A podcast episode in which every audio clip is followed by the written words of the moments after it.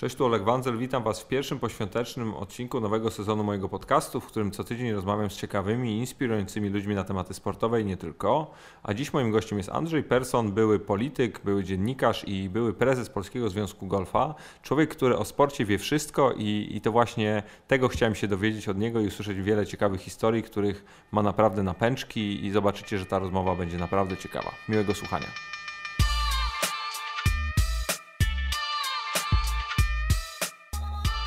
Panie Andrzeju, witam serdecznie. Kłaniam po, po lekkich perturbacjach udało się dotrzeć, ale tutaj zgadzam się, że moja okolica nie jest najprostsza do zaparkowania. Byłoby to rzeczywiście łatwym rozwiązaniem, ale właśnie wszystkie okolice Warszawy w tej chwili już są bardzo trudne do parkowania. Od początku byłem wrogiem tych wszystkich zamkniętych osiedli, y, ulic, teraz firm, no bo, bo to jest kompletnie bez sensu. Po pierwsze, pan jako mieszkaniec, nie mówię o panu konkretnie, ale tego osiedla zamkniętego odcina się od, od świata, rzekomo jakieś bezpieczeństwo to daje, moim zdaniem nie jest sympatycznie, jak ktoś tam może z kimś porozmawiać. Drugie, no firmy i te korporacje zwłaszcza, no pełna klęska, żeby znaleźć miejsce do parkowania.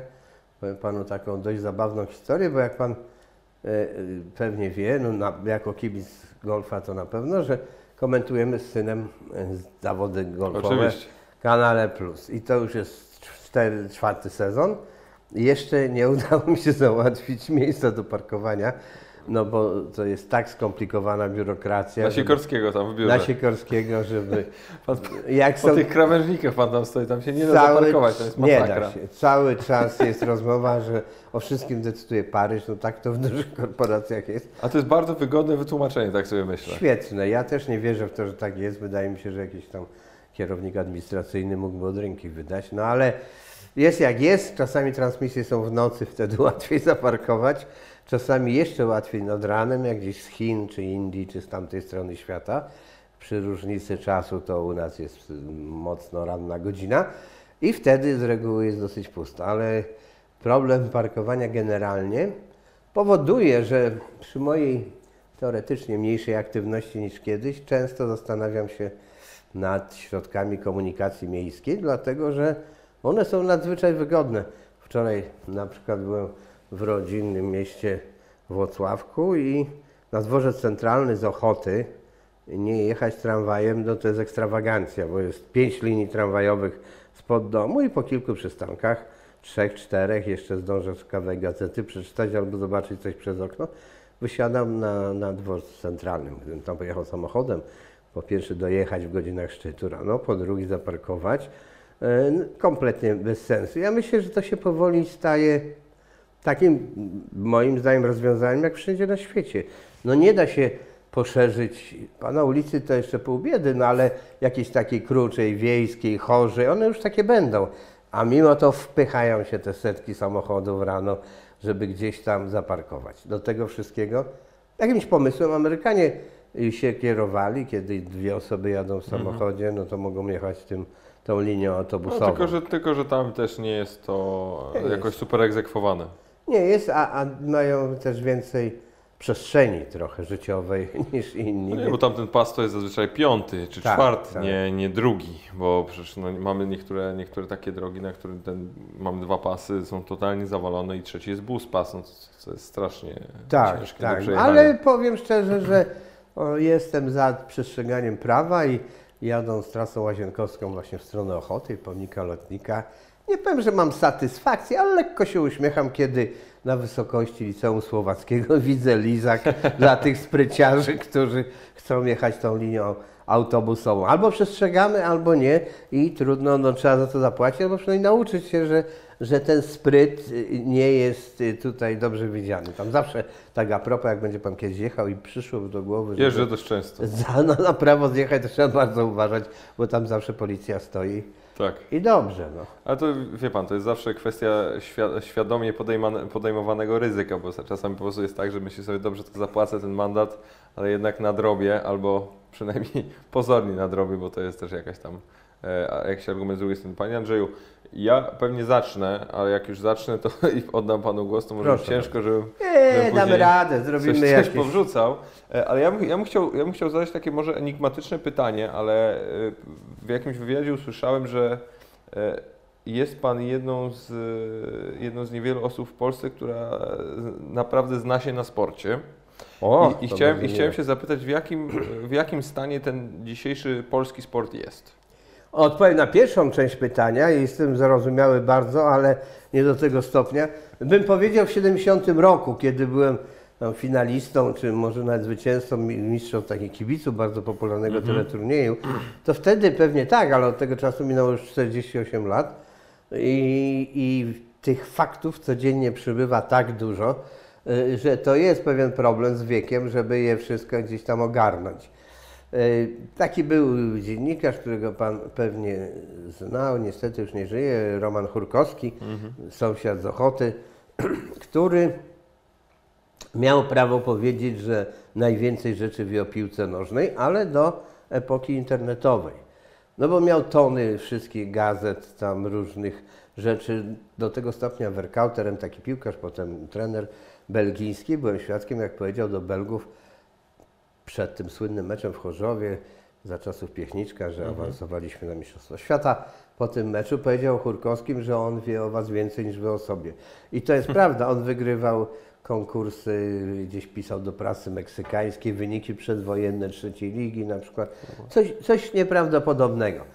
Co Romek wiedział, do szaleństwa to doprowadził tę, tę wiedzę i no, a z drugiej strony to było imponujące, ponieważ mieszkaliśmy blisko i żeśmy nam wspólnie coś czasami pisali, to nie przychodził w stanie wojennym, no bo wtedy było najwięcej czasu i moja żona, która się kompletnie nie zna na sporcie, była pewna, że my mówimy o jakichś podziemnych rzeczach związanych z opozycją i konspiracją, bo on mówił w dodatku szybko i to było prawie konspiracja.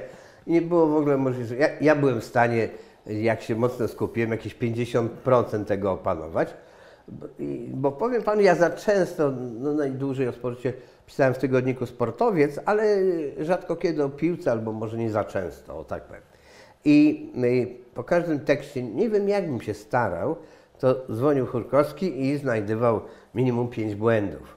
On nie jest żadnym baskiem, bo urodził się gdzieś tam, a potem dopiero grał w kraju basków, bo taka wiedza powoduje potem fantastyczną znajomość geografii, no wielu innych rzeczy, prawda, razem z tą piłką, o której, o której on wiedział autentycznie wszystko. No i najsłynniejsza historia na Igrzyska w 1988 roku pojechali Niemcy z, dzięki niemu z Niemiec Zachodnich, bo wykrył, bo byliśmy w jednej grupie eliminacyjnej do Olimpiady, że jeden Duńczyk tam nieuprawniony grał kiedyś w jakimś meczu i to, i to przekazał tę informację Niemcom.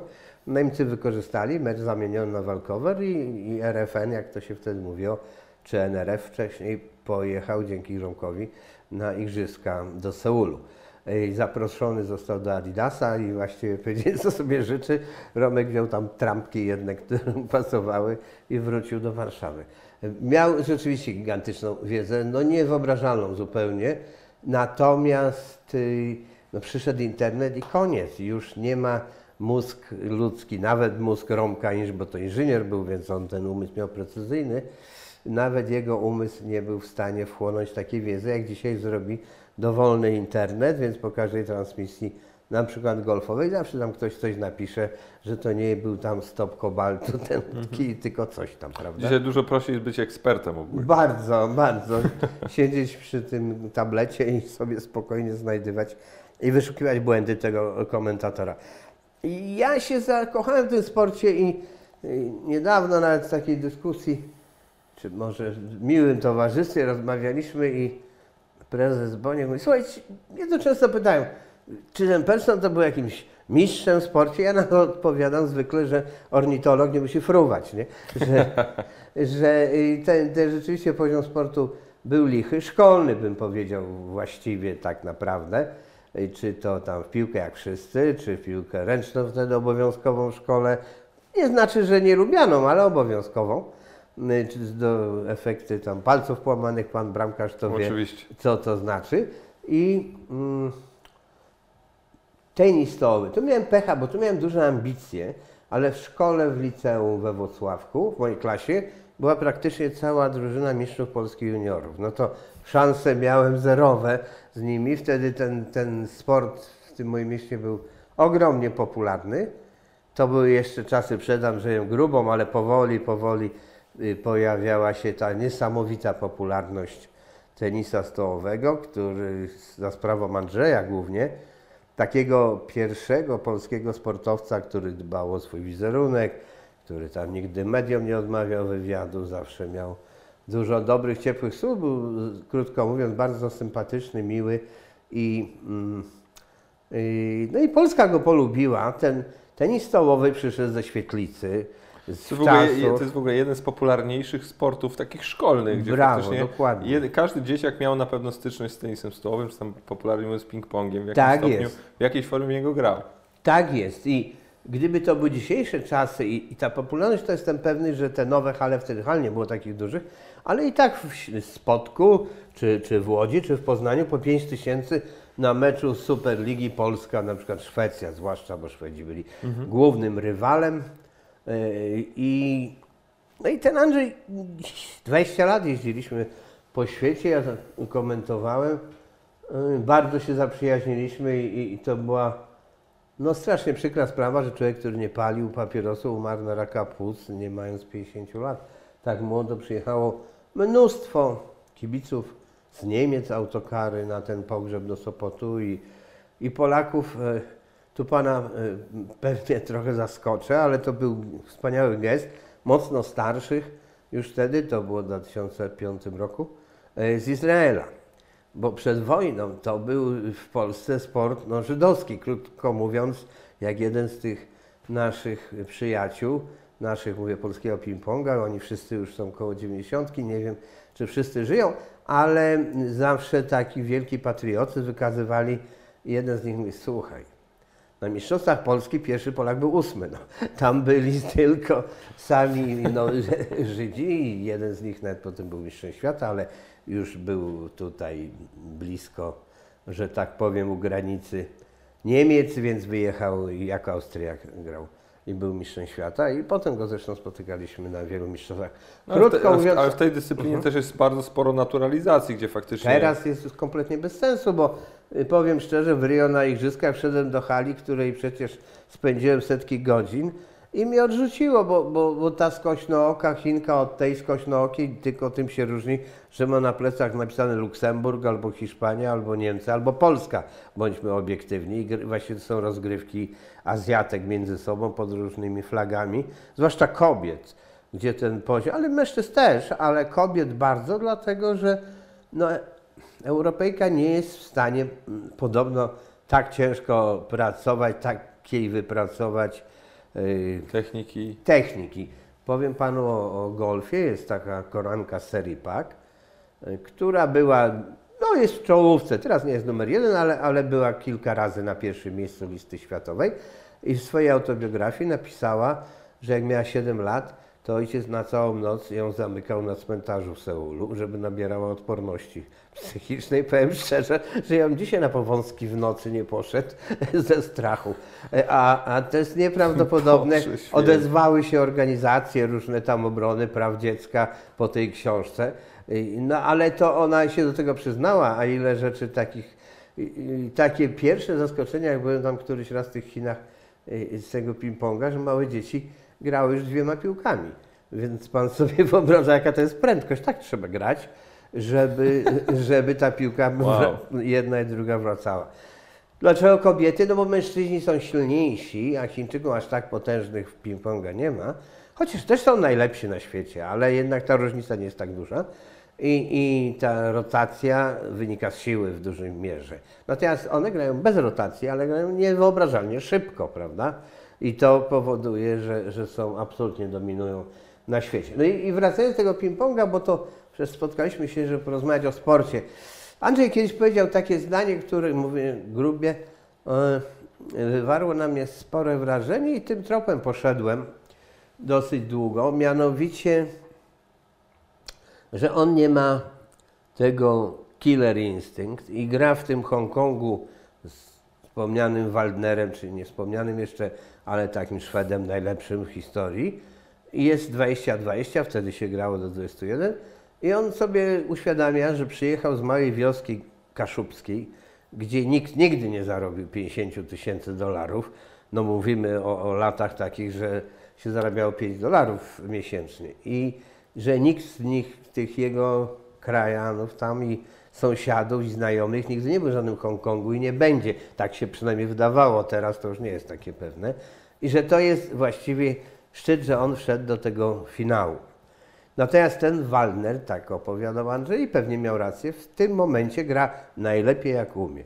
I to jest przewaga największego mistrza e, nad resztą. O tym mówił mi i Kasparow, który powiedział, że masz przewagę pozycji i nie Mistrz wygrasz. szachowy, żeby tutaj do, Tak, wielki dopowiedzieć. szachista, polityk teraz. Polityk? Tak, tak, długo, długo starał się, nawet ambitnie założył partię, ale no tam za dużych szans z Putinem w rywalizacji nie ma. W każdym razie on też był, jak No nie ma. ktoś ma przewagę pozycji, to, to jak nie wygra, to nie A to aż dziwne, że, aż, że tak powiem, że tak wybitny strateg y, podjął się takiego ruchu, bo to z perspektywy strategii, Był strategii moment- politycznej nie jest to naj, Nie jest, nie jest. najmądrzejsze. kilka lat temu.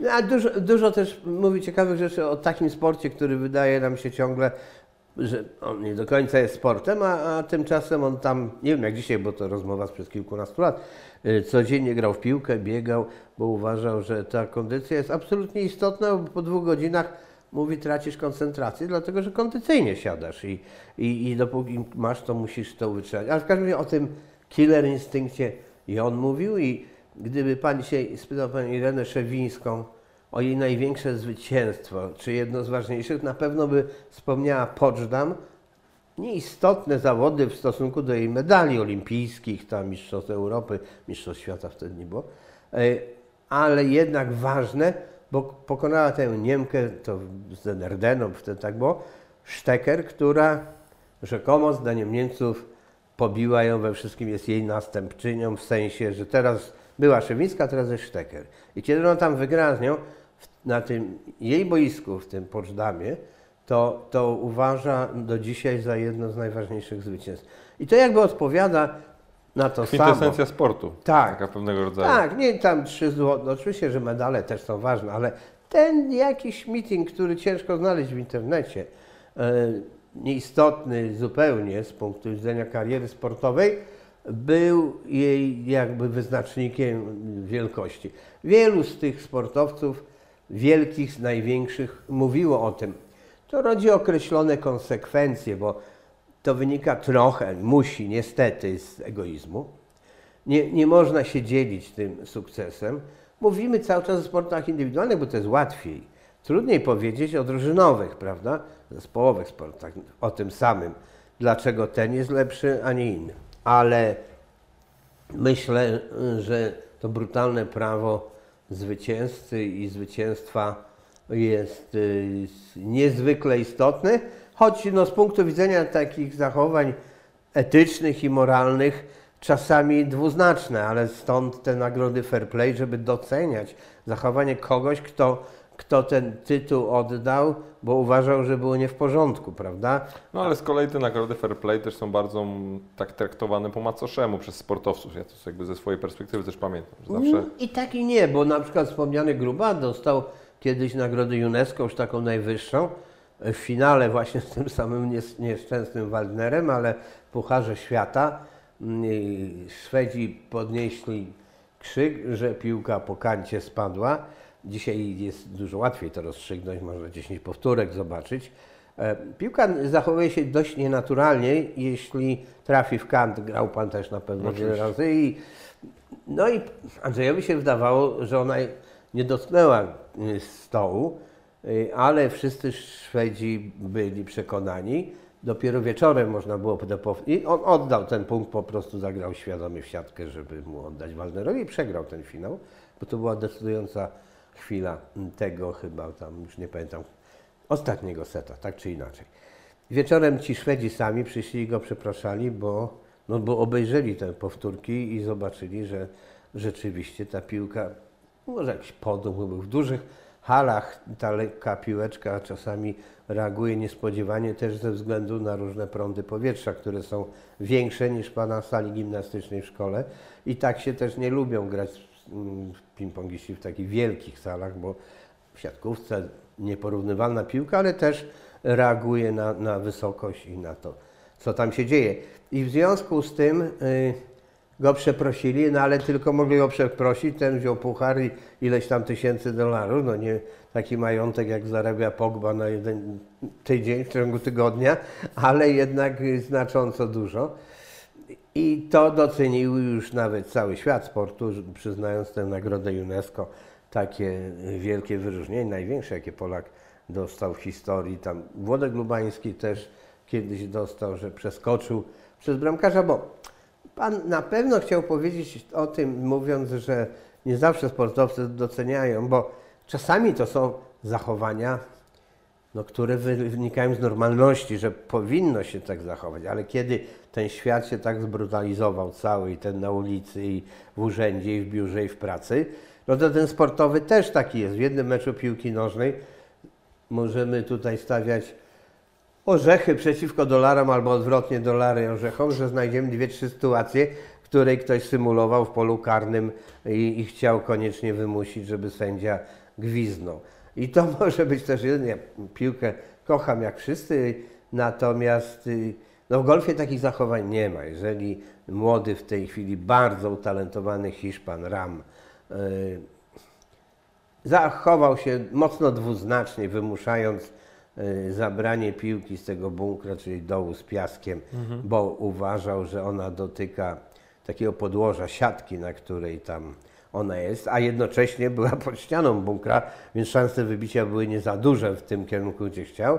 No i, i sędzia długo się wahał, ale zdecydował, zgodził się na to, że on może ją dropować, czyli upuścić w innym miejscu, że to Już poza bunkrem? E, w bunkrze, ale, bunkrze, w lepszej, ale no. w lepszej sytuacji.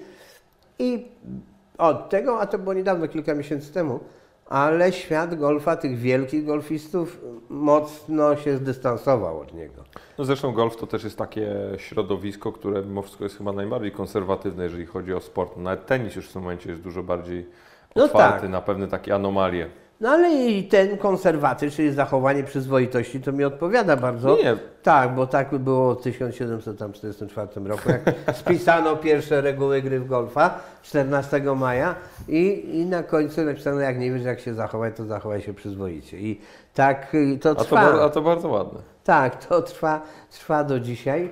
Weszliśmy na, na, na, na, na, żyzną, na żyzną glebę tutaj pańską, czyli na golfa. Na golfa ja tak się złożyło, że pod wpływem tych różnych y, angielskich sportów, może dlatego, że y, właściwie taki wyjazd pierwszy gdzieś poważny, być może wcześniej byłem w Czechosłowacji ówczesnej czy NRD, już nie pamiętam, ale do wujka bohatera spod Monte Cassino, który zresztą y, w dobrej formie już ponad 90 lat, mieszka niedaleko tutaj stąd, kilkaset metrów, gdzie rozmawiamy, ale 60 lat mieszkał z żoną y, w Londynie, nie w Londynie, no w Londynie też, tak, w Londynie, wcześniej w Manchesterze. I dzisiaj to nikomu nie wytłumaczę, a panu zwłaszcza, bo pan jest za młody, ale jest rok 67, czyli dobry moment, żeby to wspomnieć. 50 lat temu minęło Nawet sierpniu. moim rodzicom by pan nie wytłumaczył. Nie, nawet bym nie wytłumaczył tacie. I, I 50 lat minęło w sierpniu, gdzie ja przyjeżdżam z tego Wocławka do tego Manchesteru. W tym Wocławku dla ułatwienia powiem, nie było ani jednej reklamy świetnej, ani Coca-Coli, ani nic nie było, tylko był kompot, który mama dała na, na drogę, żebym tym PKS-em jechał. No i idziemy z, z wujkiem na, na stadion, na Old Trafford, gdzie są najlepsi piłkarze, jakich Anglia miała, bo to jest tuż po Mistrzostwie Świata, a Manchester United chwilę przed zdobyciem tego, co dzisiaj się nazywa Ligą Mistrzów, wtedy Pucharem Europy, grając po drodze w marcu przyszłego roku, czy, czyli 68 z Górnikiem Zabrze. Między innymi, żeby dojść do finału i zwyciężyć z Benficą.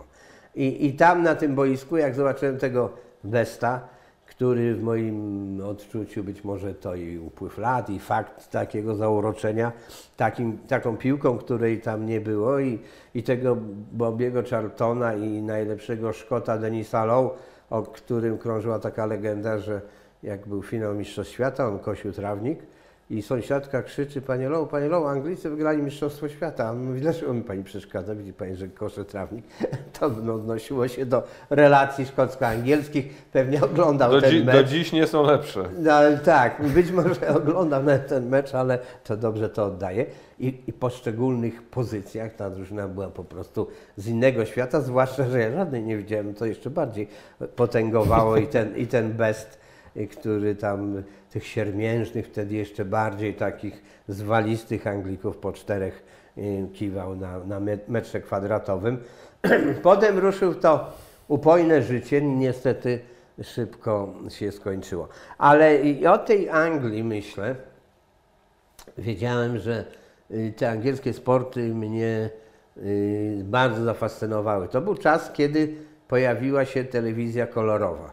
Zagadka jest bardzo prosta, dlatego właściwie Pan nie zadaje, Pan będzie wiedział, jaki sport nagle zawładnął Anglią, od jakiegoś czasu także Polską, zwłaszcza w relacjach w Eurosporcie, e, dzięki telewizji kolorowej. No oczywiście snooker, bo jak była czarno-biała telewizja, to nie wiadomo było jakiego koloru jest która bila, prawda?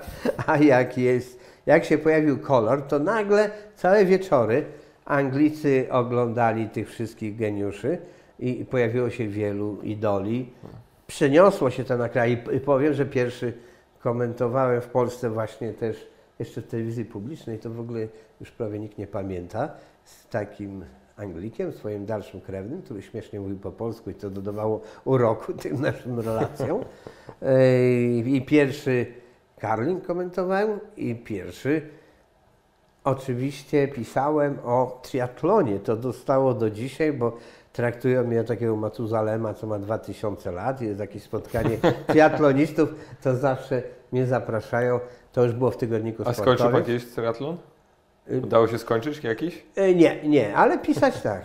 I, Znaczy, i czy, dużo... czy, czyli znowu wracamy do Nie, tej, do tej metafory ornitologa, tak? Tak, i, i tych sportów brytyjskich no, mogę powiedzieć, że przeszczepiłem, czy brałem udział w przeszczepieniu na polski grunt sporo. Sportowców napisałem hen dawno temu, bardzo dawno o krykiecie i, i oczywiście nikt nic z tego nie rozumiał i do dzisiaj tak samo traktują golfa, ale pan dobrze wie, że te żarty i śmiechy są nie na miejscu i, i dziwię się też trochę, skoro ten sport no, jest olimpijski znów po 100 latach i, i nasz zawodnik ma duże szanse, żeby wystąpić w Tokio, no to wsparcie ze strony ministerstwa na przygotowania olimpijskie jest na poziomie jednego biletu lotniczego Warszawa, Sydney i Johannesburg, O. gdzie grał niedawno. Pewnie Pan oglądał, z dobrym skutkiem zresztą, bo 40 miejsce jest tam niezłe, a ktoś mówi, a jest tam 300, ale nie Mówimy zdają sobie oczywiście o Adrianie Meronku. Brawo. I nie zdają sobie sprawy ci, którzy tak mówią, bo to samo było w tenisie stołowym gdzieś jeszcze, że pod, w tenisie stołowym to po drodze jest 100 Chińczyków do tego 300 miejsca, a tu Amerykanów i Anglików. Więc jak ich się wyeliminuje, bo tylko dwóch może grać na olimpiadzie, no to Adrian się znajdzie absolutnie na miejscu, który, z którego można jechać na igrzyska. Ale wróćmy do tego sportu angielskiego, który miał duży wpływ na mnie, a wtedy też zacząłem studiować prawo, co dzisiaj wszyscy się dziwią i skończyłem to prawo w Toruniu na uniwersytecie, który był tak naprawdę wileńskim, bo dwa ze wschodu uniwersytety przeniosły się po wojnie do Polski, Lwów do Wrocławia i Wilno do Torunia. A więc specyfika tego miejsca, to Torunia też dlatego, co już dzisiaj się wydaje kompletnie e, abstrakcyjne, że były rejonizacje, ja mieszkałem w Wrocławku, więc na przykład w Warszawie czy w Krakowie nie mogłem studiować prawa, tylko byłem przypisany do tych miast najbliższych, czyli Łodzi, To jest ze szkołą podstawową. E, Dokładnie. Albo Torunia. A tych wydziałów prawa było, jeśli się nie mylę, pięć albo sześć, nie było tyle co teraz.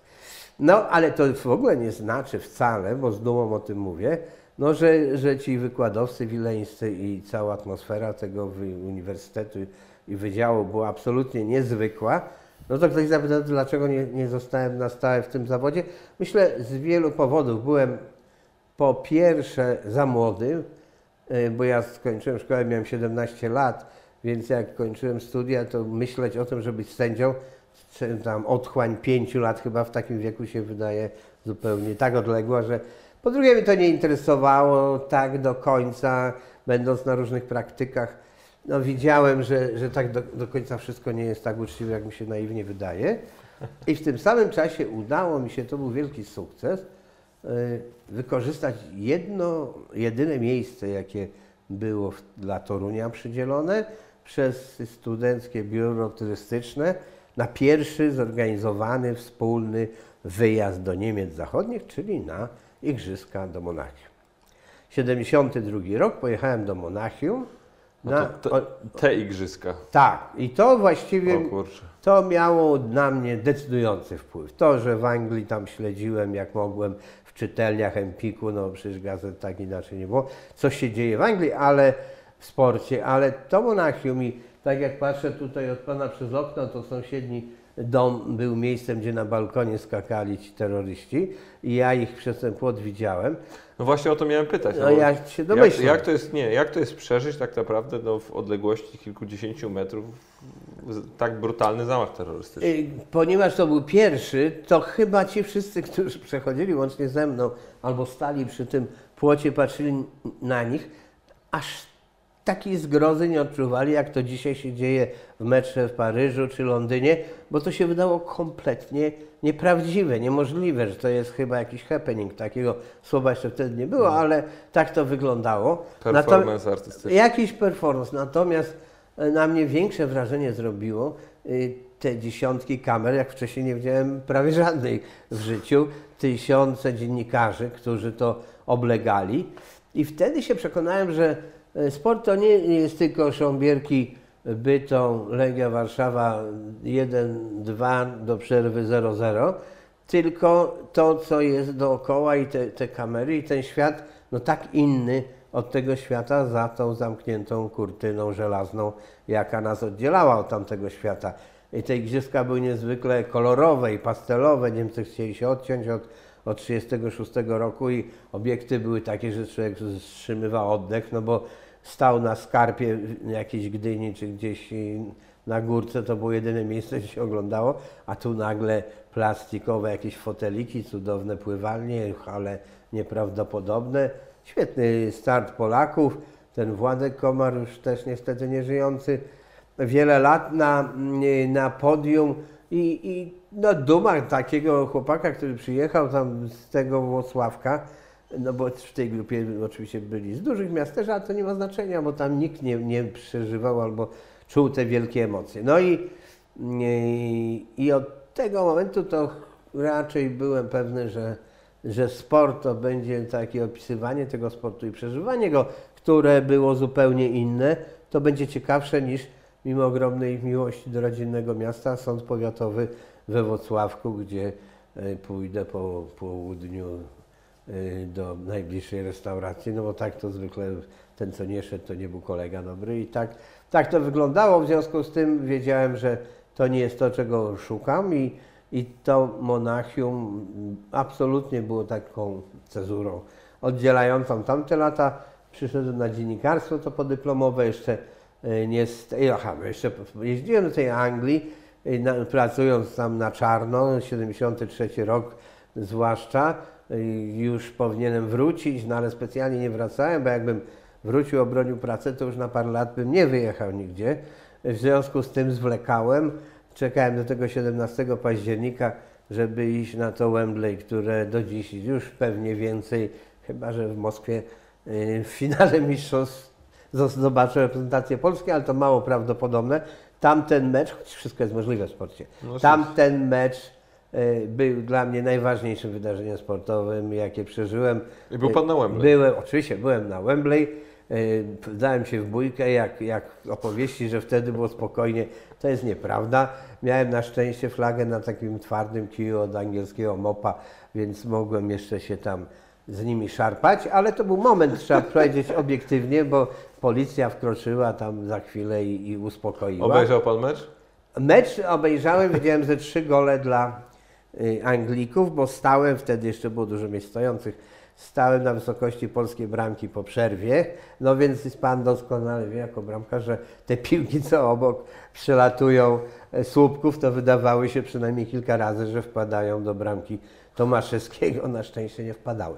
I potem widziałem rzecz, której też pewnie długo nie zobaczę. E, No bo przyjechali jacyś Eskimosi, inaczej przecież, to kto wiedział w ogóle o Polsce. Jacyś lepiej wyedukowani, że Polacy tam latali w dywizjonach 303, a to promil, promila. A reszta, no gdzieś tam przyjechali, w ogóle nie wiedząc, co to jest piłka. I nagle my odpadamy, my mistrzowie świata, my, którzy wymyśliliśmy piłkę, my, który, którzy nie grają jakiś czas z Europą jeszcze wiele lat, bo uważali, że za dobrze grają, i nagle jesteśmy poza Mistrzostwami Świata, ponieważ ta policja prosiła, żeby jeszcze tam z pół godziny, no taka praktyka jak dzisiaj stosuje, żeby nie wychodzić od razu, uspokoiło się. W dodatku jeszcze wtedy Mistrzostwo Świata Anglików nie było aż tak odległe jak dzisiaj. No, otóż to, wtedy było... do- Jeżeli to był 73, No tak, tak. no to dokładnie. 7 lat po, Siedem 7 lat, lat po Mistrzostwie. Świata. Mało tego, po drodze był 70 rok, gdzie m, obwinili trenera i bramkarza Bonetiego, taki był że wpuścił, wpuścił te bramki z Niemcami, dlatego odpadli, ale w ogóle i tak byli najlepsi. To zawsze Oni do takie- dzisiaj tak myślą. Tak. I, I widziałem setki, jeśli nie tysiące ludzi, którzy siedzieli po meczu z pół godziny i płakali. I płakali, bo to po prostu się nie mieściło w głowie, że odpadli z jakąś Polską. Dzisiaj już by tego nie powiedzieli, ale, ale wtedy tak było. Chwilę wcześniej, zdaje się tydzień wcześniej z Austrią 7-0, taki sparring przed tym. No po prostu wyjdą, strzelą, pozamiatają i, i pójdą do domu. A tak nie było. Następnego dnia w tej pracy na czarno musiałem tam już kończyć, bo szybko wracać na studia, ale taki Szkot, kibic, płakał z pół godziny i rzucił mi się na ramiona, że Anglicy odpadli i z Polską.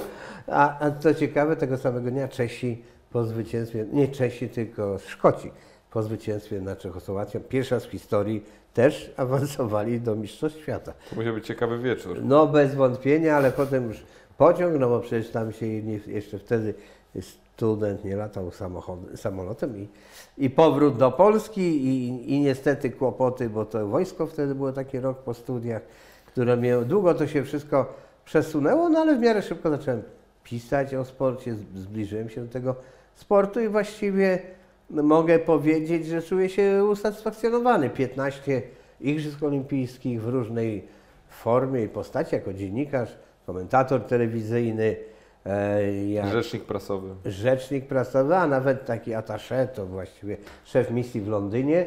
Na, na Ładne igrzysk- słowo, bardzo je lubię. No właśnie, i to miłe bardzo. Nawet podpisałem taki dokument w tym Londynie. Mogę panu zdradzić państwu, że nie będę mówił, co widziałem w tamtych centrach bezpieczeństwa. Tak, no bo jako jedyny tam miałem prawo wstępu i, i to trwało z pół godziny, jak tam się wchodziło z takiego wieżowca, gdzie przez 4 lata przygotowywali wszystko łącznie z tymi parasolami, które wyłączają telefony komórkowe i, i wiele, wiele innych rzeczy. No i wszystko wiedzieli doskonale, co się dzieje w polskiej ekipie, tam cały czas. Wszyscy byli śledzeni w tym sensie no, ze względu bezpieczeństwa, żeby się nic nie stało. To która z tych, e, z tych Igrzysk Olimpijskich, bo tutaj będę bardzo skrupulatny, tak. jeżeli o to chodzi, bo nie znoszę, gdy ktoś mówi o Olimpiadzie, o Igrzyskach Olimpijskich. Które z tych Igrzysk Olimpijskich były najba- takie najbardziej godne zapamiętania z Pana perspektywy? Zimowe to na pewno e, Lillehammer. Lillehammer, gdzie 30 tysięcy Norwegów spało w lesie, żeby być rano przy trasie biegowej, a temperatura była oszukana, bo mogło być zdaje się tylko minus 20, a jak niżej to nie wolno biegać, a było 30, ale na temperaturach, na termometrach Norwegowie pokazywali, że 20 i się zawody odbywały i 100 tysięcy ludzi z dziećmi, tam z namiotach, no w ogóle po prostu e, takiej już drugiej jak to Lillehammer, to chyba e, zimowej nie będzie, no może być tylko w Skandynawii coś takiego. No a letnia to Barcelona na Bo pewno. chyba, że gdzieś w Kanadzie zrobił. Chyba, że tak w Kanadzie, tak, nie, Kanada też, w Calgary. Calgary było fajne, no ale ten barszczyk z pasztecikiem nas położył w hokeju i właściwie to był temat numer jeden. Yy, Szkoda, bo świetnie grali nasi i ze Szwecją i z Kanadą, no ale, ale takie mm, to były czasy Yy, i myślę, że ta Barcelona też długo nie będzie mm, powtórzona. Na pewno świetne kolejne wszystkie igrzyska są Londyn. W Barcelonie mówimy 92. 92 rok. Był Pan na tej olimpiadzie? Tak, oczywiście. Oglądał, oglądał Pan Dream Team koszykarski? No oczywiście. A co za, Jezu, to Nie. jest jedna rzecz, której zazdroszczę przepotwornie. Nie tylko, że oglądałem, ale mam zdjęcie kompletnie takie kuriozalne, gdzieś druga w nocy na tej Rambli i I wpada Pan na Charlesa Barclaya. łącznie e, z, Jor- z Jordanem, i, ale to jeszcze nie koniec. Miałem szczęście, bo tam był jakiś taki facet, jak to zwykle bywa na deptakach, z taką małpką na smyczy i wszyscy podchodzili, robili te zdjęcia, tam chyba się im płaciło coś, nie wiem. Wiem, że był taki skuter, ta małpka jest na tym zdjęciu jak oni to zobaczyli, no to oczywiście podeszli, żeby sobie zrobić zdjęcie, no to był dobry moment też, że można było się z nimi sfotografować. E, I, i Zagrał pan, zagrał pan Jordan- z Jordanem w golfa? no nie grałem, bo ona dobrze gra, ale nie, żartuję, ale nie, nie miałem nigdy takiego kontaktu poza tym przypadkowym. Wracamy sło- do małpki. Tak, i ta małpka i to zdjęcie jeszcze którymś z kolegów byłem, ale to nie był główny jakby powód, yy, że przyznałem swojej klasyfikacji pierwsze miejsce yy, Barcelonie. Ja myślę, że tak jak w Polsce się mówi o pokoleniu JP2, tak Barcelonie o, o Kobi 92, czyli tym pokoleniu, które związane jest z igrzyskami. Minęło w zeszłym roku 25 lat i y, muszę się pochwalić, że mnie zaproszono tam y, nie tylko dlatego, że byłem, bo było dużo dziennikarzy na igrzyskach, ale y, też dlatego, że po drodze jakoś tak się zbliżyłem do władz miasta, y, które y, ja byłem w Senacie przez 8 lat przewodniczącym Komisji Polonii do spraw Polaków i Polonii. No i, i w związku z tym między innymi y, obchodziliśmy rocznicę wyjazdu tych dzieci, młodzieży y, i całych rodzin z Syberii, z obozów koncentracyjnych i rozmieszczone były na całym świecie. Barcelona to mało kto w Polsce wie, a to jest fenomenalny moim zdaniem scenariusz filmowy. Przyjęła ze około 150 takich małych dzieci, chociaż była no, po drugiej stronie barykady, prawda, jako kraj. E, Nie, nie, był, nie była naszym sojusznikiem, a mimo to się zachowali fantastycznie. I w tym 2014 roku, kiedy była rocznica, młody dziennikarz w tygodniku barcelońskim, której nazwy już nie pamiętam, y, napisał cykl y, takich artykułów o tym wydarzeniu. Bo te dzieci, no dziś są już starszymi ludźmi, ale y, część nawet została do dzisiaj. Mało, większość albo wróciła do Polski, albo nie miała dokąd wracać, bo, bo nie wiedzieli niestety skąd się wzięli, bo byli efektem tych potwornych tam prób mieszania ras. E, Albo wyjechali po świecie, większość do Ameryki, do Anglii. I burmistrz zaprosił wszystkich tych ludzi na tydzień do Barcelony w rocznicę pierwszego tam.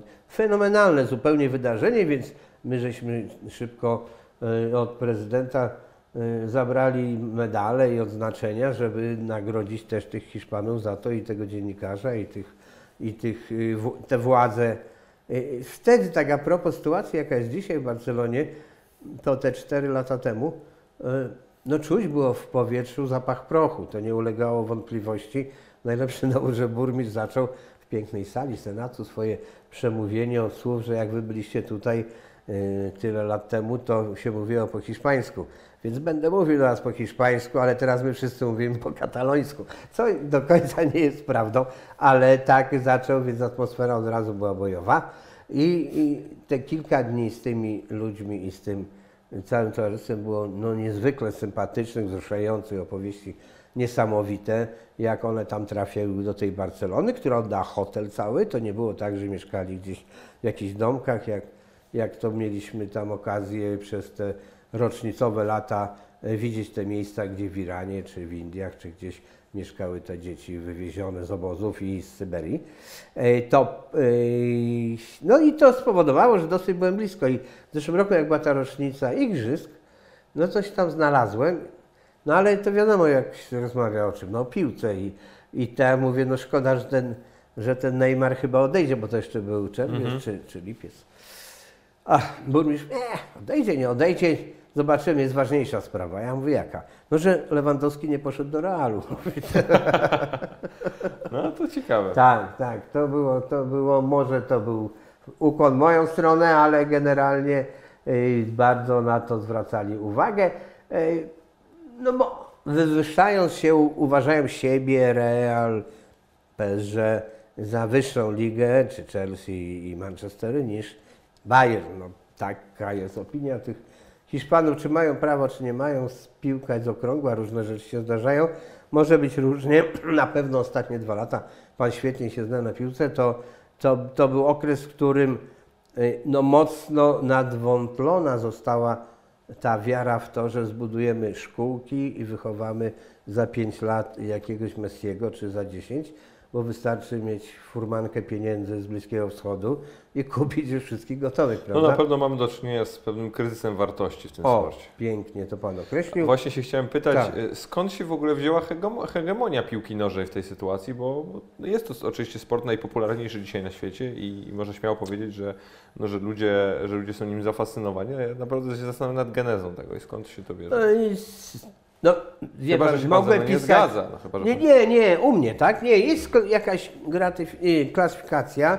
Y, Ja myślę, że sportem, który mógłbym dzisiaj, miałbym okazję wybrać kilka imprez, a jednym z nich byłby meeting lekkoatletyczny w Zurichu, to bym wybrał. Bardzo też lubię lekkoatletkę. w ramach Świet- Diamentowej Ligi. w ramach Diamentowej Ligi mogłyby to być też zawody dzieci we Wrocławku. Lubię lekkoatletkę, bo dzieje się wiele rzeczy na tym stadionie. Nie trzeba tak jak na piłce śledzić cały czas i cały stadion tego jednego z piłką.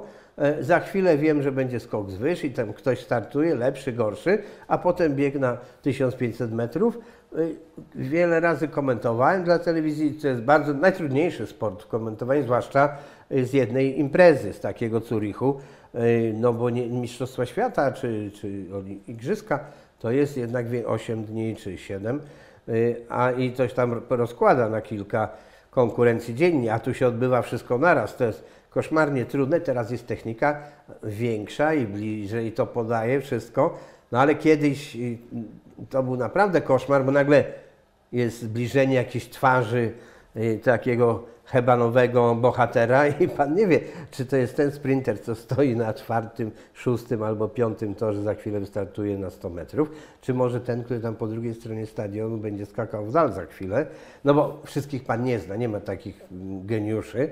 I, I teraz i to wszystko panu podpowiadają. E, Odbywa się w tym czasie skok o tyczce, więc pan słyszy na słuchawki, że odtworzą po zakończeniu biegu, żeby nie uprzedzać, no i tak dalej, i tak dalej. Tych pomocy technicznych jest gigantycznie dużo. Przedtem wszystko się Taki opierało. festyn się robi troszeczkę z tej Tak, lekkoatletyki. tak, ale, ale akurat bardzo to, to polubiłem. Pływanie kilka razy komentowałem i, i nie ulega wątpliwości, że to jeden z tych sportów, który mnie zbliżył do zawodników, którzy wykonują straszliwą pracę i, i, i nie. I, no, no, ten, oczywiście ekwiwalent tego medalu nie da się z niczym porównać, ale dobrze, jak za tym medalem jeszcze jest jakieś parę groszy, a najczęściej mało w takim pływaniu. I to jest problem. Przeżyłem y, taką A ciekawą... tak naprawdę w ogóle mało w jakimkolwiek sporcie. Ja, pozwolę sobie wrócić w ogóle do Poza pytania piłką, z samego, tak. do, dokładnie, z samego początku, czyli jaki jest dzisiejszy stan polskiego sportu, bo fakt jest dzisiaj taki, ja mam na przykład e, dobrych bardzo znajomych e, judoków, Mhm. dobrych znajomych ciężarowców, w sensie no, e, zawodników podnoszących ciężary. Tak. No to jak ja słyszę o tym, że oni mają miesięczne stypendium 1000 zł, a, a walczą o medale olimpijskie, to, to mnie to, To przeraża. prawda, 2000 Mnie to to przeraża. stypendium. Wczoraj jest, ciągle jeszcze jestem aktywny w tym Włocławku i przewodniczę takiej Radzie Sportu przy prezydencie. Jedną z członkiń jest pani Aneta Szczepańska, srebrna medalistka w judo z Atlanty. No i też mów- mówiła właśnie o, o tych problemach, no strasznych problemach. To jest biedne miasto niestety i, i ona bardzo często zwalnia te dzieci z jakichkolwiek opłat. Nawet 10 zł jest poza możliwościami tego rodzica. Yy, I teraz, żeby dojść do tego poziomu, o którym Pan mówi, 1000 zł stypendium, to jest po prostu abstrakcja. To No, a, z kolei, a z kolei porównując do pensji zawodników, piłka, Pogba piłkarzy. by nogą nie Ale, już, ruszył, ale no. nawet, nie, nawet nie o tym mówię. Ja mówię nawet na, na poziomie, przecież to są, to są zarobki na poziomie polskiej czwartej ligi czy, czy okręgówki. No. Najkrócej mógłbym odpowiedzieć, a to nie będzie prawda, że to już Fenicjanie powiedzieli, że towar kosztuje tyle, ile kto chce zapłacić. No. To jest bardzo proste wytłumaczenie. Tak, I ja, proste. ja gdzieś te metody rynkowe rozumiem i, i ja, ja na przykład jestem ostatnią osobą, która będzie krytykować to, że na przykład za prawo do, do, do transmisji e, Mistrzostw Świata czy Ligi Mistrzów płaci się takie pieniądze, bo, bo faktycznie ktoś później na tym zarabia jeszcze większe pieniądze i to jest dla mnie w pełni zrozumiałe. Niemniej nie rozumiem tego, kiedy no, w sportach olimpijskich, w których naprawdę mamy szanse medalowe albo mamy wybitnych sportowców, nie jesteśmy w stanie w żadnym stopniu tego, No tego tak, subsydiować. absolutnie ma Pan rację, ale już ostatni raz y, wrócę do golfa. No, to o tym, że, że no to już mówiłem, ale no, to traktowany jest sport w ogóle tak y, bogaty, że oni powinni dokładać jeszcze golfiści ministerstwu, a nie ministerstwo na przygotowania olimpijskie dać. To jest kompletna jakaś bzdura, no bo wszyscy dostają ten sam medal i taka sama szansa jest. Jeżeli tych środków nie ma, no to się trudno dziwić, że y, Piłka nawet chyba z tego co wiem, to, to oddała jakieś pieniądze, nie wzięła jakichś pieniędzy na przygotowania olimpijskie. Może tak być. Tak, to albo oddała, albo nie wzięła, coś takiego miało miejsce. Natomiast tutaj jednak tak nie jest, bo ciągle wszyscy wykpiwają tego golfa, więc jak ktoś jest utalentowany, to z reguły nie ma trzech kart kredytowych w wieku 12 lat, tylko, tylko raczej y, kłopot. Ale z, zgadzam się z Panem absolutnie, y, że no, świat nie jest sprawiedliwy. Jack Nicklaus, największa postać w historii golfa, jak niektórzy uważają, mm, z wyjątkiem mojego syna, to A, a właśnie, bo, no bo on, Ni- Niklaus jest jednym z tych trzech wybitnych golfistów. 18 turniejów wielkoszlemowych wygrał i Tak. koniec właśnie Był jeszcze. Palmer i, tak, i Player. Player, tak. No i. Tiger potem No 14. ale później tak, ale to była ta złota trójka, która tam faktycznie... tak. W epoce od Wszyscy, czasów... wszyscy pod wodzą Marka McCormacka za MG. Brawo, ale mojego, wcześniej... mojego te idola. Tak jest, ale wcześniej jeszcze był ten Bobby Jones, Oczywiście. legenda absolutna, który nigdy nie wziął ani dolara, y, chociaż wygrał wszystkie ówczesne wielkoszlemowe turnieje, bo ta dyskusja będzie trwała wiecznie, czy te stare należą do tego, czy nie. Y, No przyjęło się, że epoka sprzed Masters, bo ten turniej kwietniowy w Ogaście wtedy jeszcze się nie odbywa, no bo Bobby Jones dopiero to pole zaprojektował. Na, i, I z drugiej strony można powiedzieć, bo wtedy już też byli zawodowcy, ale no, skoro nie mogli grać w turniejach amatorskich o Mistrzostwo Wielkiej Brytanii czy USA, no to takiej samej szansy jak ten Bobby Jones nie mieli. No ale z drugiej strony wygrywał wszystko, co można wygrać, miał 28 lat, powiedział dziękuję, został prawnikiem, projektantem pól golfowych i wielu innych rzeczy i ma pomniki w sta, z całej Georgii i, i niech tak zostanie jako tej ery przedpotopowej wielki idol, a później ci trzej się pojawili, potem ten Tiger, ale o tym Niklausie chciałem wrócić. No on mówi, że po prostu golf jest niesprawiedliwy. I myślę, że o sporcie czasami też można powiedzieć, ale z drugiej strony ten trzeci z trójki, których Pan wymienił, Gary Player mawia, że im więcej trenuje, tym ma więcej szczęścia. To też jest No prawda. tak, to jest, to jest tak, to potem to jest takie bardzo amerykańskie podejście. Tak, tak, ale mówi też często, bo już blisko jesteśmy tej piłki, bo on grał Coraz dużo w bliżej. piłkę, ma 82 lata teraz i fenomenalnie dalej gra w golfa, jak się chwali, pojechał, chwali, no po prostu stwierdzi fakt. Skończył 80 lat, pojechał z żoną na urlop gdzieś na wakacje, no pewnie na, na jakieś pole turystyczne, no trudno, żeby grał jakichś okropnych, trudnych tych, na których zdobywał tytuły. I średnią z całych wakacji miał 69 uderzeń, mając 80 lat. Ktoś z Państwa gra w golfa, to, to jest to no, absolutnie niesamowite. A dlaczego to mówię? Bo on był niezłym piłkarzem, nawet z szansami na, grze, na grę w ligowej drużynie w Johannesburgu. Yy, No mówi do mnie kiedyś, bo zaplanował pole w i przyjedzie niedługo na otwarcie domu klubowego. Yy, I mówi, gdybym był piłkarzem, to teraz bym się nie mógł ruszyć ze względu na biodra zupełnie zniszczone. Siedziałbym na ganku gdzieś tam na fotelu bujanym.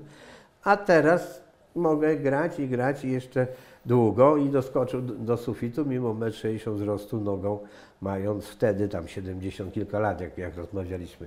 Nieprawdopodobnie No to ja mam dokładnie ten problem, o którym on mówi, że nie mam rotacji w biodrach, przez co moja gra w golfa jest niestety utrudniona. No więc y, on miał z tą piłką i wie pan, ta, ta popularność powoduje wszędzie na świecie. Kiedyś pierwszy raz, jeden z pierwszych wyjazdów z juniorami, od początku próbowałem ten golf tak ustawiać, żebyśmy no, mieli jakiegoś zawodnika, możliwości. Jeździliśmy najczęściej do Tunezji, bo to było yy, najtaniej. Dwutygodniowy wyjazd do Tunezji, jakieś lata, nie, nie chcę składać, 94, 5, 6 może. I, i nieopatrznie, nieopatrznie, no wiedziałem czym to pachnie, sus taka ma mi stoi, że, że mówię taksówkarzowi, że Henri Kasperczak to jest mój dobry kolega, co jest prawdą, a wtedy Heniu Kasperczak prowadził tą drużynę SUS i zdobył Mistrzostwo Tunezji. Przez dwa tygodnie wszystkie taksówki woziły nas na pole golfowe za darmo, a tych juniorów było y, kilkunastu. Jak pan świetnie wie jako golfista, no pola nie są w środku miasta albo nie wszędzie, rzadko kiedy. Trzeba jakoś dojechać. W Dubaju zawsze- są w środku miasta. no tak, zawsze z metra można wyjść. W styczniu już niedługo polecam, taki turniej będzie w telewizji, gdzie gra się dosłownie przy stacji metra. Ale y, no, i wszystkie inne pozostałe trzeba jakoś dojechać. I, I to było dla nas w naszym budżecie niewielkim, gigantyczną pozycją. Zresztą kiedyś Heniu nas zaprosił tam w tym SUS. Szaleństwo było nieporównywalne z niczym. Największe takie wydarzenie, które przeżyłem, to był mecz Polska-Niemcy, a przed telewizorem yy, w 1974 roku, gdzie cała Polska oglądała, bez wyjątku. Ani jednego samochodu nie było na ulicy, ani jeden sklep nie był czynny. Mimo, że yy, przez tę pogodę i deszcz przesunięto rozpoczęcie meczu, a i tak wszyscy tkwili na tych y, taboretach, bo to jeszcze nie było tak dużo telewizorów, w związku z tym sąsiedzi, rodziny. Amerykanie podają, że to jest jedyny przypadek, że 100% społeczeństwa oglądało dany program, zwłaszcza, że była jedna stacja, jeden kanał tylko telewizyjny. I wtedy- Większość ludzi kończyła pracę o tej samej godzinie. nawet jakby nie kończyła, to było w tygodniu, w środę, to i tak by przyszła wcześniej, usiadła przed telewizorem i, i te babcie, które się pytały, a w których są Polacy, bo też nigdy nie oglądały, wszyscy bez wyjątku oglądali. No i, i to jest ta potęga, a, a przeniosę się w czasie od razu o wiele lat. W lipcu, jak Pan pamięta, w zeszłym roku mieliśmy Mistrzostwa Europy do lat 21 Tak i, jest. my graliśmy... Wielu moich kolegów w tej drużynie grało. O, i graliśmy ze Szwecją w Lublinie. No i, i, i mecz jest tam wieczorem.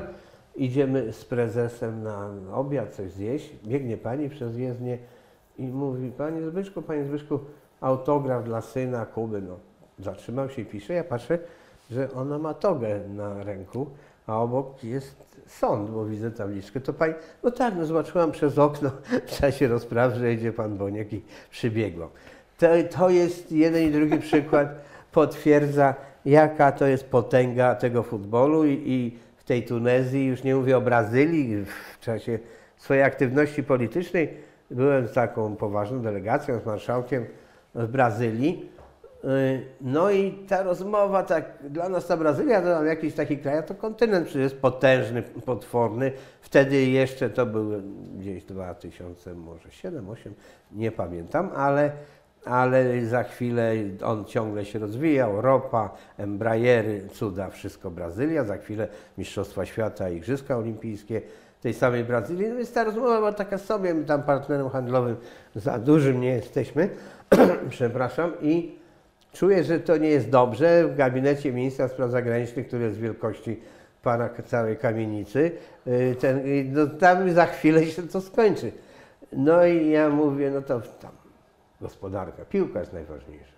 Tak spojrzał na mnie i mówi, w 76 minucie Lato nam strzelił bramkę. Uuu, kolego, myślę sobie.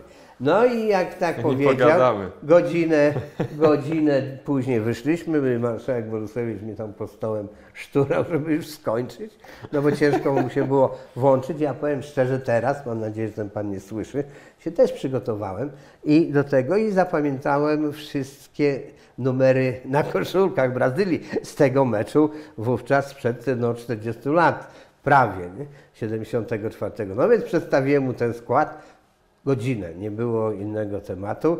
Widząc zniecierpliwienie marszałka, ten minister mówi, jak pan sobie wyobraża, że facet na moim stanowisku może nie interesować się piłką w Brazylii? To bym był takim ekscentrykiem, ale nikt by mnie nigdzie nie wybrał, nawet na, na prezesa gminy jakiejś, ani sołtysa, gdybym ja nie mówił. Zresztą kiedyś przy innej okazji też byłem na meczu, dość fatalnie to wyglądało, bo, no bo spotkania, garnitur, biała koszula, a to, to było w São Paulo, a w białych, nie, w białych koszulach byli goście, no tak czy inaczej, koszulkach białych. Miejscowi w paski tam czerwono-czarne chyba, tak? E, I niech pan sobie wyobrazi, że miejscowi przegrali. My z kolegą, senatorem bez komórek nie bardzo wiedzieliśmy, jaki jest kontakt do konsulatu, a tu wszyscy na nas patrzą wrogo w tych białych koszulach. Wyglądaliśmy jak kibice tej drużyny i takie głosy były jakieś, no ale udało nam się wydostać tam z tego meczu. Powinienem pamiętać, no ale to wszystko mija i zapamiętam ten biedny, no bo niestety zmarły tak wcześnie Nowak grał, no i, i Piekarski Bożyszcze. No to zaraz, to, to, jeżeli Piekarski grał, no to to było Atletico Paranense. To, była, to były mistrzostwa, możliwe, że to było w Paranie, a jaka druga drużyna jest, bo w Brazylii te mistrzostwa stanowe, mecze derbowe są dużo nie ważniejsze. Paranense, czy on Nie, grał? chyba... Kurczę, nagrywam z nim podcast, w tym momencie też mam, też mam e, Chyba- pustkę w głowie. No w każdym razie Flamenco?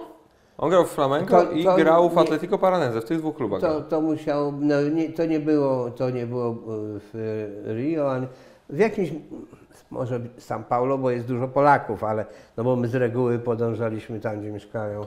No nieważne, w każdym razie miejscowi przegrali i my w tych białych koszulach wyglądaliśmy jak kibice y, sąsiedniego miasta, które jest dużo ważniejsze te mecze niż gdzieś tam z drugiego końca Brazylii, bo nie mają tak istotne są jak, jak te o, o Mistrzostwo Stanów, często ważniejsze niż całej Brazylii, nawet żeby tylko wygrać lokalnie.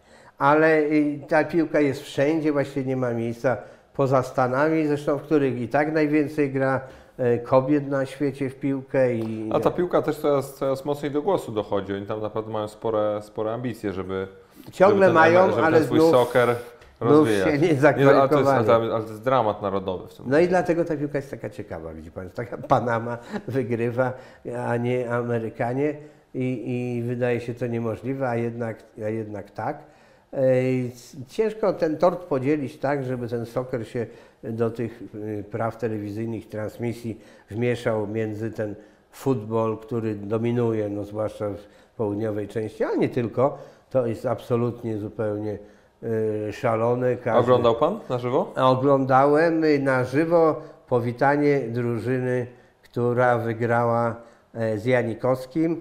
E, Tam w Tampie byliśmy na takim turnieju polonijnym golfowym i Tampa Buccaneers wygrali wtedy e, z Oakland Rider, w którym niestety grał Janikowski. E, Tak, jedyny jego finał w historii.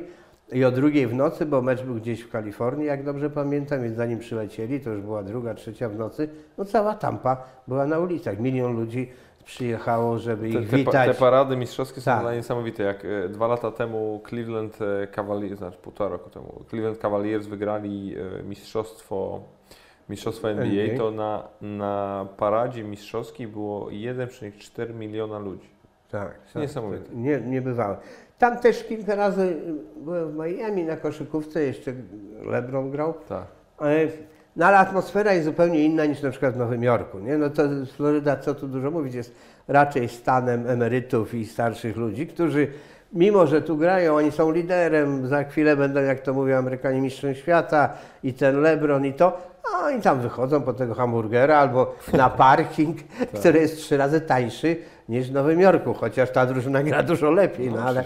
To nie jest podstawą do wyznaczenia ceny. Skąd się w ogóle bierze ta nomenklatura mistrze świata w Stanach? Wie pan? Bo, bo w sumie mnie to zawsze dziwiło, a nigdy jakoś nie mogłem się zebrać, żeby sprawdzić. Ja nie wiem też dokładnie, ale zawsze wydaje mi mówią się... World Series, No nie? tak, World to- Champions. Tak, tak, że oni może trochę jak Anglicy, że uważają, że są najlepsi i nie ma co tam z nikim grać. A jeszcze byłem na ważnym meczu, chyba dla nich przykrym bardzo, na tym, który mniej lub bardziej sprawiedliwie Rosjanie wygrali w Monachium finał olimpijski. Po tych trzech sekundach, które trwały wieczność, po tych powtórkach, po różnych cudach. No, lata były odległe, dzisiaj by to łatwiej było ustalić, ile tam było. Nieważne, czy słusznie, czy niesłusznie, ten Białow, jeden z braci Białowu, jak dobrze pamiętam, rzucił po czasie albo nie. E, Tak czy inaczej, no to była sensacja gigantyczna, że Amerykanie przegrali finał olimpijski w koszykówkę ze Związkiem Radzieckim, więc Rosjanie cali szczęśliwi byli. Ale Rosjan tam Mocno było, jak pan wie, mecz też. tak, mało najmniej było Rosjan w tej drużynie, tylko Litwini i, i, i nie tylko oni. No, to jest religia, byliśmy też kiedyś taką oficjalną delegacją na Litwie. Prezydentem był pan Adamkus, któremu tam czasami ktoś podpowiadał, bo był tyle lat w Stanach, że na pewno lepiej mówił po angielsku niż po litewsku. Ale to tak przy okazji. Yy, I rozpoczynamy rozmowy poważne. Z tą Litwą te stosunki są różne cały czas. No i, a on zaczyna od tego, no wczoraj Żalgiris wygrał y, z, z Wilnem, czy Żalgiris Kowno, tak? Żalgiris Kowno jest, Tak, a Wilno jest y, Zresztą, zresztą, Letuwa z tam... zresztą w Żalgirisie Kowno to jest też bardzo ciekawa hi- historia z perspektywy właśnie tych relacji, o których Pan mówi. E, Głównym sponsorem jeszcze do, do, nie, do niedawna na pewno, nie wiem czy teraz jest, bo nie, bo nie sprawdzałem, jest polskie PZU. Tak, tak, tak, tak. Wtedy było też, jak byliśmy, to prawda. I, i grali, no i to jest wydarzenie, jak Wilno wygra z, z Kownem albo odwrotnie. I, no i żyją tą koszykówką tak nadzwyczajnie, jest fenomenalnie, bo pyta Pan też o poziom sportu. E, Pan Marczulonis, kiedyś wielka gwiazda NBA. Nie wiem, czy teraz, bo już kilka lat tego nie robiłem, ale wspierałem taki turniej, no bo ten mój że tak powiem, rodzinny i elektorski Włocławek też oparty o koszykówkę, Anvil Alvil tam. tak, liderem i robiliśmy takie turnieje dla dzieci. I, i, to, I to było przykre, bo przyjeżdżał najpierw, później już chyba nie, zespół Marczulonisa albo nawet dwa i wszyscy najlepsi w Polsce, którzy szkolą dzieci i młodzież i, i Śląsk Wrocław, i Prokom, i, no i miejscowi. Wyrównane szanse w miarę, że nie przegrywaliśmy więcej niż minus 20, to były wtedy, jak wszystkie te nasze zespoły stanowiły jedno i grały przeciwko temu Marszulonisowi, no, który był o klasę od nich wszystkich, tam dwie klasy lepszy. Yy, No i od tego to się zaczyna, no, prawda? Że każdy rocznik, No, który szkoła przywoził, młodzież, tak, naprawdę. każdy z tych roczników, on mi mówił nawet, że opierają się na metodach amerykańskich, on bardzo dużo tam korzysta i czerpie. Dużo chyba pieniędzy inwestuje, ale on zdaje się tam potem ma udziały w tych zawodnikach. Nie chce wnikać jako menadżer, no ciągle też nie może dokładać. W każdym razie powiedział, że podstawą to jest szkolenie, które on bierze z Ameryki i tak dokładnie wszyscy prowadzą zajęcia, jak on im tam każe, bo tych szkółek jest sporo. Przecież to mały, mały kraj, mały naród, a, a ciągle są potęgą w tej koszykówce. Niesamowite. No ale to samo jest koszarka na Bałkanach, jak to mówią, prawda? Chorwacja, Słowenia, Serbia. To, to jest dwumilionowa Słowenia bije nas w większości sportów drużynowych. Mam nadzieję, że nie w piłce, ale to nie jest A takie były takie pewne. momenty. Tak, tak, tak. Każdym z tych sportów. Sam kiedyś zresztą ze Słowenią przegrałem na poziomie właśnie reprezentacji Polski juniorów, tam do lat 17. Pojechaliśmy do, na Słowenię na, na, mecz, na mecz eliminacyjny i, i dostaliśmy. To prawda, ale z czego to też się bierze? Ja y, miałem taki okres dosyć nawet długi, kiedy prowadziłem agencję reklamową swoją i między innymi jednym z klientów była taka słoweńska firma Lek Lubliana, potem ją wchłonęli Szwajcarzy, ale wtedy żeśmy tam współpracowali blisko, w sporcie też. Z reguły przy okazji targów farmaceutycznych w Poznaniu wtedy były, chyba teraz też. Y, Ten prezes firmy słoweńskiej mówił, zorganizuj mecz jakiś tam w przerwie z polskimi aptekarzami. Polscy aptekarze występowali w składzie 20-osobowym po 1,95 m. W zespole tego mojego klienta był prezes, który wtedy miał koło 50, jego syn, student tutaj w Polsce, kierowca, księgowy i dyrektor całej firmy, się nazywał Oblak, chyba już nie żyje, ale był sędzią tego słynnego meczu, właśnie o którym mówiłem, Rosja-Związek Radziecki, pan Oblak. On miał wtedy już po 60. Stany Związek Radziecki. Stary Związek Radziecki. Pięć, ten w 72 roku, Mhm. on sędziował. I proszę pana, tych pięciu ludzi z kierowcą, który za dobrze nie grał, bo to był lokalny nasz człowiek, tam 15 dwumetrowców, no to lanie było takie, że w przerwie już przyszły e, e, zawodniczki, pamiętam, AZS-u Poznań, które w tej hali miały mieć trening po zakończeniu i się zlitowały nad tymi aptekarzami i uzupełniły skład, to się zrobił bardziej wyrównany mecz. Tak to wygląda. Jestem kiedyś w Słowenii w tamtych latach i nagle spikerka, ten język jest zbliżony, no ale tam trzeba się trochę wsłuchać, zaczyna płakać. Przekazuje informację, że utopił się, nurkując, to jednym z zajęć dla prawdziwych macho jest, bohater narodowy Rok Petrowicz. Rok Petrowicz był pierwszym złotym medalistą w historii zimowych sportów dawnej Jugosławii, ale był Słoweńcem. Na igrzyskach w Sarajewie w slalomie specjalnym zdobył złoty medal, czyli to było tam ileś, no nie- niedługo po tych igrzyskach e, i biedny tam gdzieś nurkował i, i zginął. I ta kobieta mówi o tym płacząc dosłownie, że taki wielki człowiek dla Słowenii zginął. Jaka jest wartość i pozycja tego sportu, to widać właśnie na takich przykładach. Inny zresztą, bo ktoś może powiedzieć, że było dwóch Petrowiczów, to prawda, tak tragicznie zginął też Drażen Petrowicz, wielki koszykarz, wracał z Wrocławia z eliminacji do Mistrzostw Europy i na autostradzie w Niemczech, ale on był Chorwatem, a ten Petrowicz był Słoweńcem. Y, Nie no, Słowenia to jest chyba największy gigant sportowy na świecie. W każdym sporcie są wspaniali i mają osiągnięcia, i, czyli można z dwóch milionów ludzi wyodrębnić takie gwiazdy, dać im warunki, podbudowywać im, a nie e, tak traktować, że tylko wtedy jak e, zdobywamy medale, to prezydent z premierem wyrywają se tych siatkarzy, kto pierwszy zrobi zdjęcia z nimi. E, A potem dwie minuty później już oczywiście nikt o tym nie pamięta, kiedy potrzeby y, tych ludzi są na co dzień y, ogromne, to zaczyna się y, hejtowanie w gazetach, pisanie, że tyle zarabia, a tak słabo gra. nie?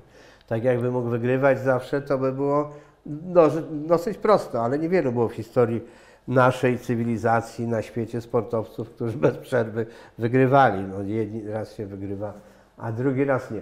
Tak, tak Ale to, paru takich było. Paru takich było, łącznie z tym Tigerem Woodsem, o którym... Właśnie, co, co się stało z tym człowiekiem? Bo nie ma chyba w Polsce lepszej osoby, której mógłbym o to zapytać, bo no jego upadek no jest spektakularny, czy był spektakularny, bo teraz już powoli gdzieś tam się No odgrzebuje. był tak, tak wysoko, był tak wysoko, rzeczywiście, że jak się spada z takiej No, wysokości... on, był, on był synonimem wszystkiego, co najlepsze w golfie w tamtym czasie. Po prostu, Absolutnie inny świat stworzył golfa.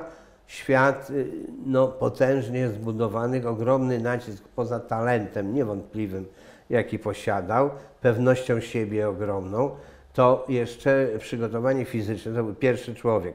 Ta epoka, o których Pan mówił, Niklaus Player, oni też bardzo sprawni.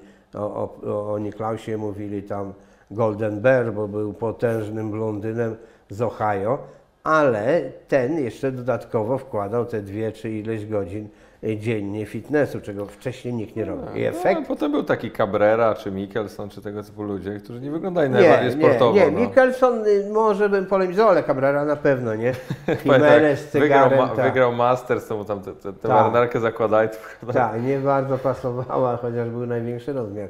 To wszystko jest prawda, ale konsekwencją, tak mi się wydaje i tak wiele osób mówi, tego, mm, tego jego przygotowania takiego wielkiego i gry zupełnie innej na, na 100% możliwości fizycznych. On każdego przebijał o kilkadziesiąt yardów. E, I to wszystko zaskutkowało, to nieeleganckie słowo, ale stało się przyczyną tylu kontuzji, tak naprawdę. Bo ten wątek jakiś osobisty, no nie najlepszy na pewno, ale też miał miejsce w czasie, kiedy on miał ogromną przerwę. I mało kto o tym wspomina, że zachował się jak największy mistrz sportu, zremisował US Open, jedną z najważniejszych imprez, a regulamin US Open jest taki, że gra się w poniedziałek, czyli następnego dnia, całą rundę, 18 dołków. Wszyscy lekarze mu powiedzieli, że absolutnie nie powinien wychodzić ze względu na stan kolana, które było już tak bardzo zniszczone, a on mimo to powłócząc nogą zagrał jeszcze w poniedziałek 18, a nawet 19 dołków, bo znów był remis, jeszcze jeden trzeba było grać z Rocco Mediate e, i z też Amerykaninem.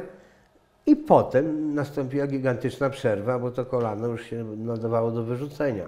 E, mając, tak mi się wydaje, bo to już jest moja spekulacja, ale tyle wolnego czasu, e, no i strasznie dużo pieniędzy, wydaje się z tego, co, co piszą te różne kobiety, no, uzależnienia od seksu, tak naprawdę, zresztą przyznał się do tego kiedyś, no to powodowało, że właściwie cały ten wolny czas pożytkował w tę stronę. Yy, W różny sposób gdzieś tam ktoś zrobił zdjęcie, chyba matka jednej z takich panienek, które, które yy, gdzieś tam się z nim zadawały, na, zresztą chyba na zapleczu jakiegoś McDonalda czy coś.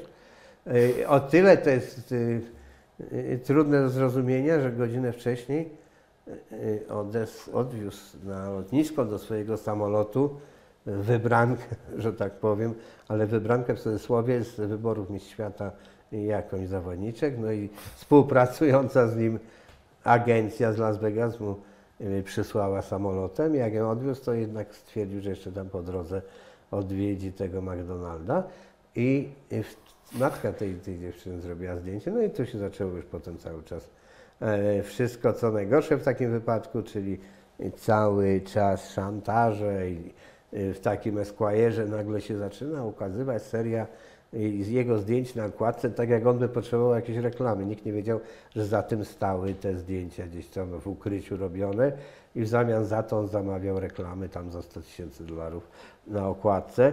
No ale to długo nie trwa, nie da się takiego procesu.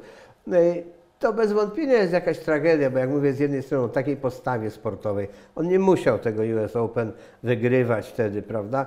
E, No mógł po prostu, tak jak mówili wszyscy mądrzy lekarze, już dalej nie grać. To jednak jak pan wie, bo pan gra, to jest przejście wielu kilometrów przez, przez to pole, no i trzeba te z 90 prawie Szczególnie, razy w tej sytuacji przejście. przejście, tak, tak.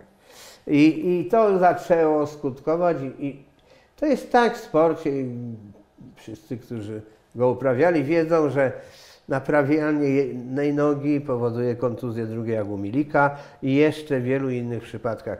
Prawda jest dzisiaj przykra, że kiedyś tak ciężkich kontuzji nie było. Kiedyś to 40-50 lat temu kontuzje jak zerwanie Achillesa u sprintera raczej powodowało zakończenie kariery. Dzisiaj można tego Achillesa zszyć, ale jednak no, ja z trwogą patrzę czy na piłkarza Legii, Ma- Le, Lech, Lecha, Legii, Lecha. Makuszyckiego. Za- Tak, biegnie, biegnie, biegnie i nagle za minutę zapłakany już wie, że on nie zagra na Mistrzostwach Świata. Ani nikt mu nogi nie podstawił, ani nie kopnął, ani brutalnie, no zwyczajnie w tym biegu. Milik obydwie te kontuzje miał nas, prawda, też w trakcie. Ja, ja to dokładnie jestem po tej samej kontuzji, więc to jest Aha, no tak, tak. niesamowite. W sensie najgorsze uczucie, jakie może być.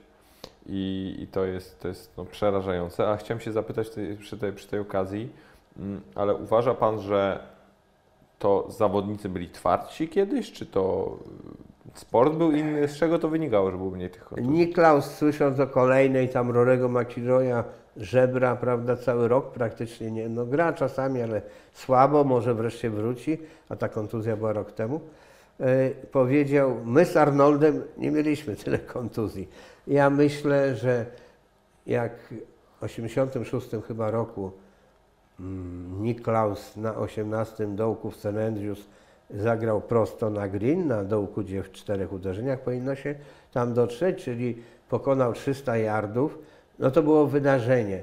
Wydarzenie, że 50 czy 70 tysięcy ludzi wstało z miejsc, bo to było zakończenie e, British Open. A dzisiaj... zagrał Eagle, czy nie? E, tak. A dzisiaj no prawie, że nie ma pan czego szukać na europejskim turze, nie mówię amerykańskim, bo Amerykanie jeszcze bardziej są przygotowani fizycznie ze względu na te ich wielkie lotniska, czyli pola tak ogromne. W Europie jednak trzeba precyzyjniej grać. Jest dużo tych parkowych pól, gdzie jest wąsko, bez sensu jest walić gdzieś tam do lasu. Ale dzisiaj nie ma pan czego szukać. Od, od, od numer jeden Dustina Johnsona, który wyskok dosiężny ponad metr ma i 1,95 m wzrostu i oprócz tego jest zięciem greckiego hokeisty, ale to od tego lepiej nie gra, mi się wydaje. To raczej grecki gra lepiej, jak gra z zięciem. I ten Dustin Johnson, którego szybkość piłki jest większa niż Tigera o 10 mil na godzinę. aż po naszego Adriana Meronka. Nie mówię aż po, bo Adrian też ma dwa metry i, i duże dźwignie, ale wszyscy tę piłkę muszą na te 300 yardów posłać, żeby się liczyć w tej grze. A, a kiedyś to był absolutny wyjątek i wyczyn. Chodzili starsi panowie z cygarem, ale dobrze pracowali za to. Teraz niedawno taki turniej ostatni w zeszłym roku wygrał ja- Hindus Sharma, który ma 21 lat, ale powiedział, że od szóstego roku życia codziennie 4 godziny patuje. Tylko patuje. A oprócz tego jeszcze uderza te długie strzały. Szaleństwo. I pan, i ja byśmy pewnie zwariowali, patując 4 godziny. Kiedyś użalałem się nad synem na Florydzie, kiedy, kiedy y, no widziałem jak tym upale, on tam w szkole był golfowej, y, cały spalony, kark i uszy i wszystko. A taki trener, no nie młody, y, pewnie w takim wieku, jak ja teraz mówię, co jak się patrzysz? Jak ja byłem w jego wieku, to mój trener brał dwa przewody 220 V i w środku była piłka i kij. I jak tylko ułamek milimetra źle zapatowałem, to mnie prądowało od razu. Tak? Także y, to jest w każdym sporcie straszna praca. Niezwykle, to wszystko wygląda inaczej, pan wie to dobrze, jako sportowiec, że na treningu każdy z nich bez wyjątku, nie mówię o golfie, ale o wszystkich sportach, takie cuda może zrobić, prawda? Ej, I, I dlatego jak się poziom wyrównuje, no bo rywal jest podobne umiejętności ma, to tego nie widać. Nie ma potrzeby, żeby trafiać jak w tej zabawie w kanale Plus y, w poprzeczkę. No a, a ja byłem świadkiem, jak Kaziu Dejna z 11 metrów powiesił ręcznik, gdzie się raz trafił ręcznik. Więc y, byli geniusze. Oczywiście Kazio Dejna biegał mniej kilometrów i, i, i- nie był tak podatny na, na te kontuzje, bo był wolniejszy przy szybkości. To też jest problem później, prawda? I tak dalej, i tak dalej. Mniejszy wysiłek, nie ma takiej agresji, nie ma... Agresja była, ale taka już brutalna, że jak się ogląda stare mecze, to biegnie po to, żeby go kopnąć. Ale, ale jak ten stoi, to tak bardzo nie odczuje tego, jak ci, którzy są w pełnym jego. I myśmy tutaj tę rozmowę wiele lat prowadzili, natomiast ten sport się rozwija. Jednym z ważniejszych wydarzeń minionego roku to była decyzja, moim zdaniem, o niedopuszczeniu Rosjan do igrzysk w, w, na, na zimowych, igrzysk zimowych w Korei. Z tego prostego powodu, że to był proceder absolutnie ogólnokrajowy. To nie ma dwóch zdań, że to państwo kierowało i, i jak ja słyszę takie głosy, że, że niewinni też cierpią, nie, bo mogą jechać i prawdopodobnie sporo Rosjan pojedzie już nie pod flagą rosyjską, ale jako indywidualni zawodnicy i, i życzę im jak najwięcej medali. Natomiast jak Putin tego procederu nie przerwie, no to będą takie konsekwencje. Świat się nie zawalił, jak ich nie było na Mistrzostwach Świata w lekkiej atletyce, w Rio w większości dyscyplin nie było. E, No to jest, to, to jest tylko i wyłącznie wina władz najwyższych. Jeżeli ten minister Mutko zostaje wicepremierem, przewodniczącym Komitetu Organizacyjnego Mistrzostw Świata, no to plują w twarz wszystkim i mają to wszystko głęboko w nosie. Ale to tak przy okazji, być może to ich czegoś nauczy. Ja wiem, że my powoli już będziemy kończyli, przekroczyłem wszystkie granice czasu, ale jak ktoś jeszcze nie zasnął i, i, i słucha tego, to jest nam bardzo miło.